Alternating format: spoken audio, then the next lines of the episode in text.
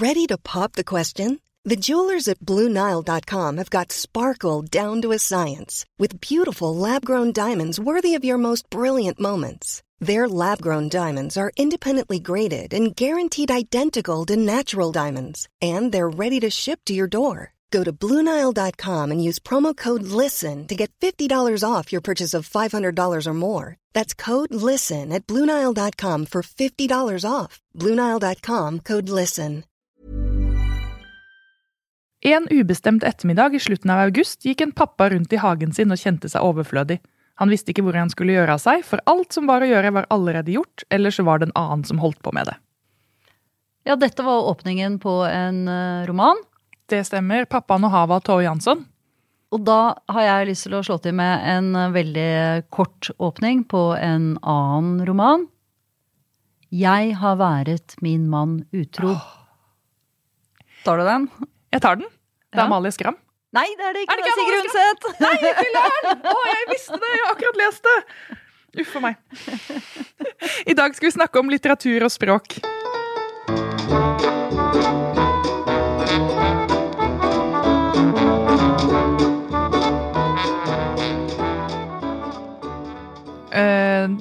En slags dårlig quiz. Nå vet jeg at det er fru Martha Auli, for det kom jeg på etter at jeg hadde sagt feil svar. Det er helt sant. Er, ja, hun har ikke jukset. 1907. Og dette var nok en mer sjokkerende åpning den gangen eh, enn i dag, men den er ganske knall allikevel. Jeg har vært min mann utro. Åh, den sitter så bra. Eh, og i dag så skal vi rett og slett snakke om språk i litteratur. Med det så mener vi jo da skjønnlitteratur. Det poetiske, det vakre, det nydelige, det skjønne. Om alt mulig. Og her er det jo på tide å ta en liten sånn recap, som de sier på ungdomsspråk, av eh, hvor mange bøker har du skrevet, hva har du skrevet, og hvorfor?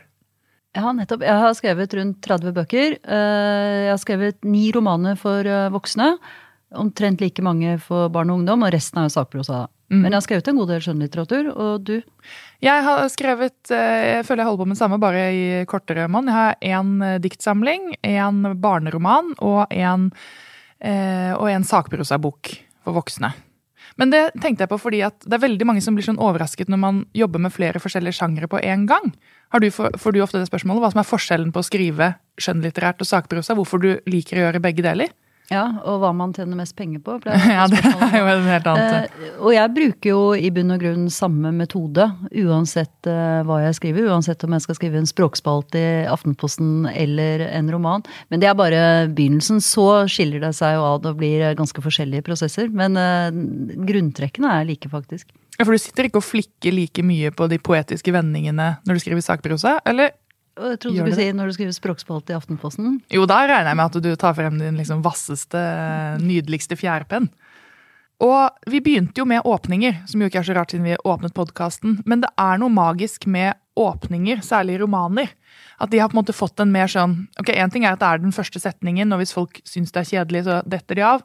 Men likevel Men ikke etter første setning. Nei, det er ingen som detter av etter første setning. Og så er det sånne kåringer av den beste første setningen i romanene gjennom tidene. Hva er det som etablerer en god set, eh, første setning? Man skal, bli noe, man skal fange nysgjerrigheten. Eh, jeg føler det er nesten blitt en sånn egen liten bok i boken. Bare det første avsnittet eller den første setningen. Hvordan eh, tenker du når du skal lage en første setning? Ja, den kommer sjelden som den første setningen. I hvert fall. Det er ganske få bøker eh, der det første jeg skrev, blir stående som den aller første setningen eh, i boken. Jeg lanserer ny, ny roman nå i høst, og jeg kranglet jo skikkelig med redaktøren min om nettopp den aller, aller, aller første setningen i den boken. Ja, Jeg involverte jo til og med deg. ja jeg, Ren frustrasjon. sendte det, jeg fikk over et sånt dokument med, flere, med tre tekstvarianter, og så skal jeg prøve å lese med magefølelsen og si eh, hva jeg likte best. Jeg lagde en liten gallupundersøkelse blant øh, venner og bekjente for å se om det var jeg eller redaktøren som hadde rett. Og jeg, eh, jeg vet hvert Du var på vinnerlaget. Ja, jeg er på vinnerlaget i hvert fall. Men jeg er ikke sikker på hvilken versjon jeg var på. Men eh, hvis noen hadde sagt det Eller ja, det er jo en grunn til at du da, når redaktøren sier sånn 'jeg tror faktisk dette er bedre', så er det jo ofte at redaktører vet hva de holder på med. Det er jo det. Eh, men likevel så kranglet du så hardt på at åpningssetningen skulle være noe annet. Altså, jeg var jo så sikker på at det var jeg som hadde rett her, og Ja. det er jo den som står i den, eh, i den trykte boken. Da. Det er jo det. Men du kranglet, hvis du hadde kranglet like mye på hver eneste setning gjennom hele boken, så hadde du jo eh, blitt kjent som vanskelig jury.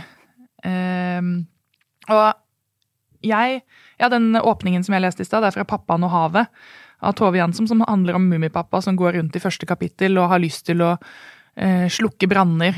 Og, men det er mens han er borte, så oppstår det en brann. Og så er det lille My som bare tråkker den ut, så da, da blir Mummipappa sittende på verandaen hele kvelden og se etter ulmebrann. For den er så viktig del for han. Og det er den å starte med en ubestemt ettermiddag i slutten av august. Tidsangivelsen og si at det var en ubestemt Altså det er jo Jeg kjenner i hvert fall at det får en sånn derre mm, god følelse i ryggen av dette her. Ja, du, du får jo noe Du får jo en følelse av evigheten. Ja. Den ubestemte ettermiddagen i slutten av august. Ja, det, kan jeg da få lese litt av en annen eh, åpning som jeg har tatt med meg? Og dette er, eh, dette er en klassiker. Og er det quiz igjen? Hvis du vil, Okay, hvis greit. du tør, hvis Ja. du tør. Jeg tør. Ansiktsuttrykket syns ikke, jeg skal men hoppe litt fra altså den, den er helt nydelig helt fra begynnelsen av, men jeg skal hoppe litt lenger ned i, i teksten her allikevel. Og det er en beskrivelse av uh, havet. Og poenget her er jo det lydmalende. Svartgrønt og salt kjem det i veldig rulling veltande inn over dei vestlige himlar, drive av storstormane fra nordisen og kanalen, køyrande sine fakskvite brimhestar fram over havskodda, så skumskavlen sten durande sin djupe eveheims orgetone fra de ytste avgrunnar, så støyper det seg mot strandi og krasa seg sund i kvit foss med dunk og dyn og lange brak døyande bort i døyft dunder. Tenk deg følelsen av å skrive det der. Da tror jeg man setter punktum og tenker nå. Det, det, var en, det var en arbeidsdag som har vært det, men hva var det for noe? Jeg kjenner det ikke i det hele tatt. Det er uh, Garborg. Ja. Mm, det er fred. ja. Å, for en følelse han må ha hatt. Jeg, når, du, når du leser dette, så tenker jeg at de to Jeg skal ta to romanåpninger som jeg har tatt med meg. da. Men uh, at de er uh, litt annerledes enn Garborg. Den ene den er Mr. and Mrs. Dursley of number four Private Drive were proud to say that they were perfectly normal. Thank you very much. som er åpningen på den første Harry Potter-boken. Ja. eh, som jo eh, sier veldig mye om hva som skal bli veldig unormalt etter hvert. da. Og den andre, Det var også fordi at jeg satt med så mye gamle bøker, så nå tok jeg den boken jeg holder på å lese akkurat nå. Et system så storslått at det blendes, av eh, Amanda Svensson, oversatt av Vibeke Saugestad. Og den begynner sånn. Tredagersgråten kom tidlig til trillingenes mor. Og så fortsetter den med et veldig åpnings... Hvor det er født tre trillinger, og mannen at, informerer om at han har vært utro ved å stikke hånden sin opp i eh, tannlegens skjørt. Idet hun akkurat har født og det ene barnet får hjertestopp. Så det er en ganske spektakulær åpning av en eh, storslått roman, da. Fortettet eh, åpning, må man kunne si. Ja, Tredagersgråten kom tidlig til trillingenes mor. Ja, Ja. Kjenner hvordan Bruker samme trikset som Garborg her. Her Ja. snakker vi alliterasjon. Og mens vi snakker om bokstavrim og litterasjon, så vil jeg gi deg, Kristin Storhusten, i eh, oppgave å lese høyt et lite utdrag fra det du leste i en tidligere episode, nemlig da eh, Sverdrup Tygesons eh, forord til, eh, til sin bok På naturens skuldre. Ja, dette er jo i planen vår om å bli en biologipodkast. Så skrev hun da Og jeg samlet på fine ord som barn, ord som bølget og rullet festlig rundt i munnen når jeg sa dem, som onomatte poetikon, eller ord som hoppet paradis fra drøvelen og fram over tungen før de landet kontant på tungespissen, som trigonometrisk punkt. Stopp. Fordi da du leste det i forrige episode, så visste jeg at dette minnet meg om noe, og nå har jeg funnet ut hva det var. Og dette er nemlig åpningen på en veldig kjent eh, roman. Lolita, mitt livs lys, mine lenders flamme, min synd, min sjel. Lolita, tungespissen tripper tre trinn nedover ganen, for til slutt på det tredje å tromme mot fortennene. Lolita. Ja, Tygeson og, og Nabakov her sammen. Og dette er også oversatt uh, av uh, Odd Bang-Hansen.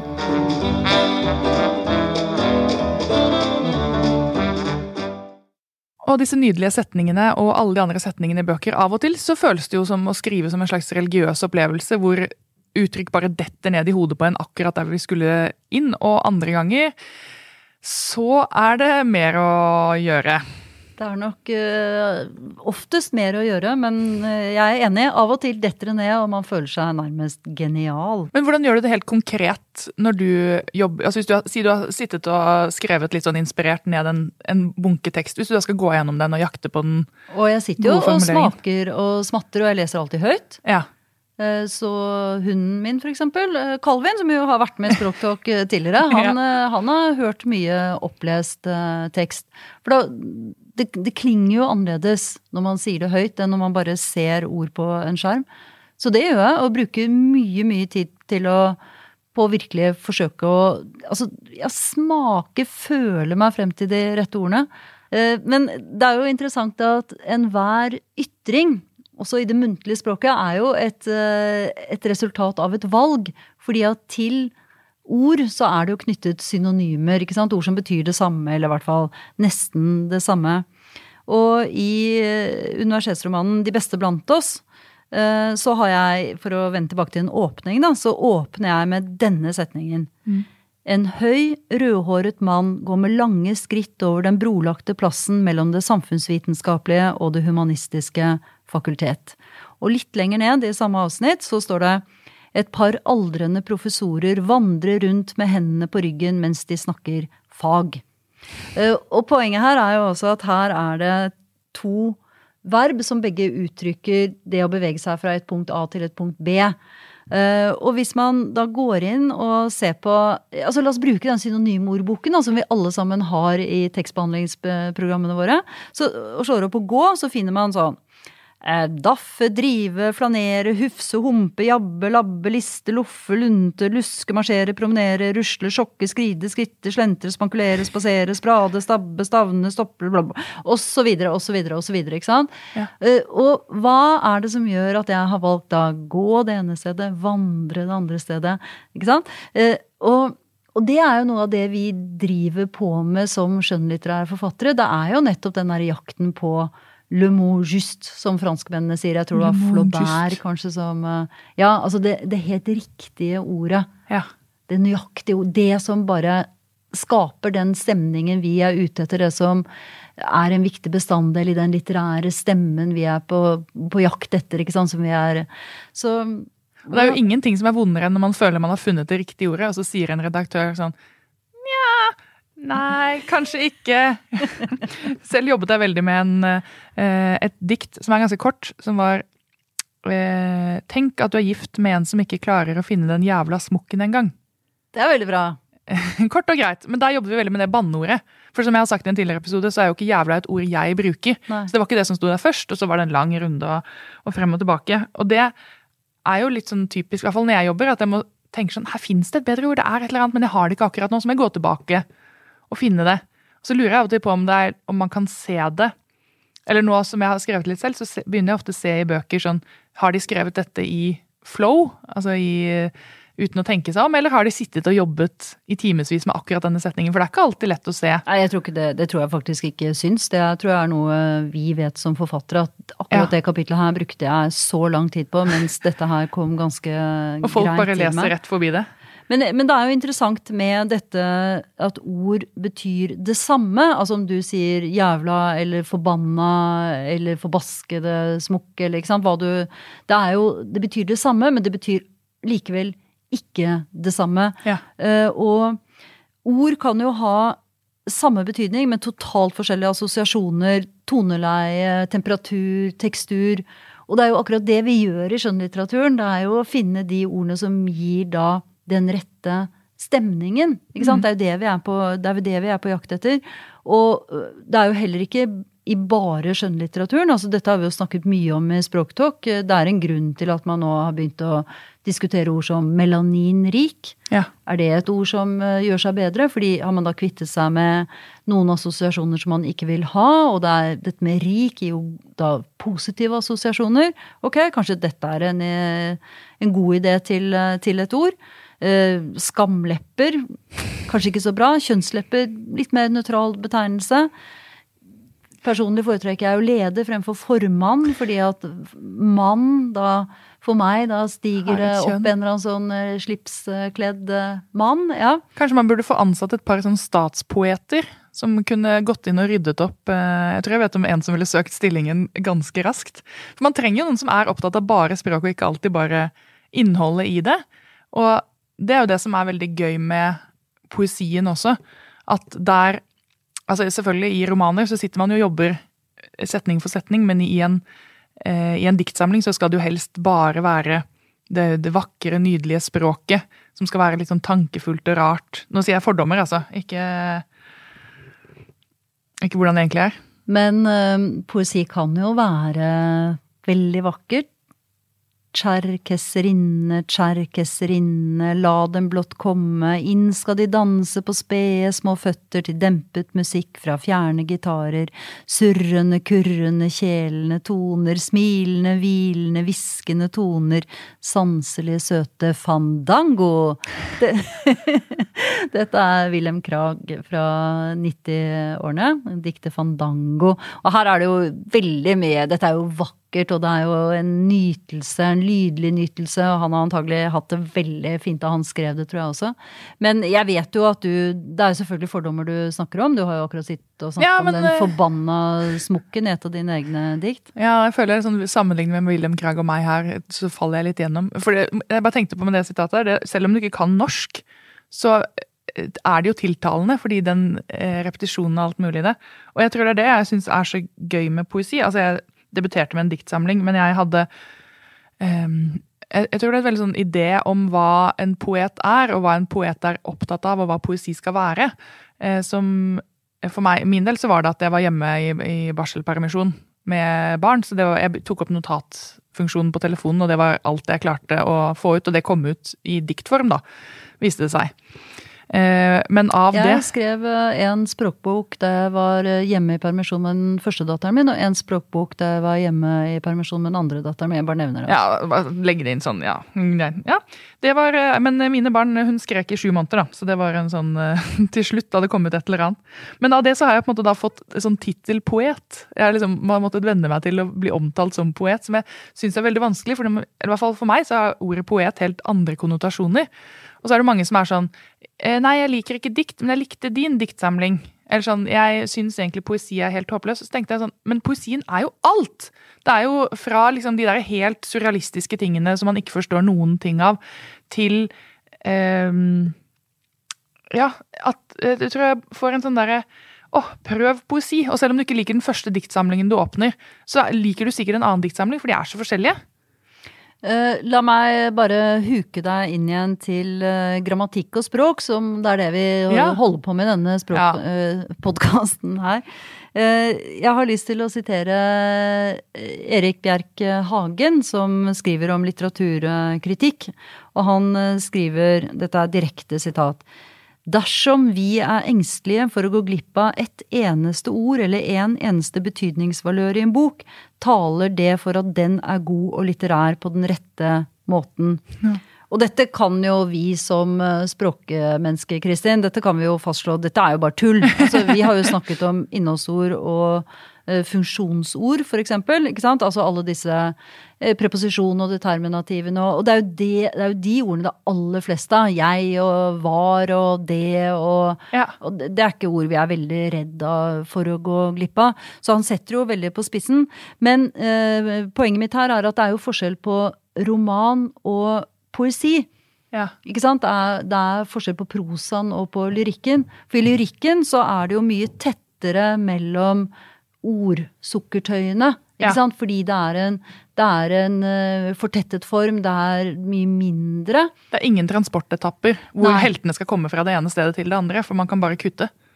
Og derfor er det, skal man kanskje nyte nesten hvert eneste ord i eh, poesien, i motsetning til en, eh, Så en, til god en roman vanlig roman. som, en god roman er som en vin, mens poesien er som en portvin til desserten. Oi, fant du på den nå? Jeg fant det på nå! Det er Ikke verst. Er poet, vet du.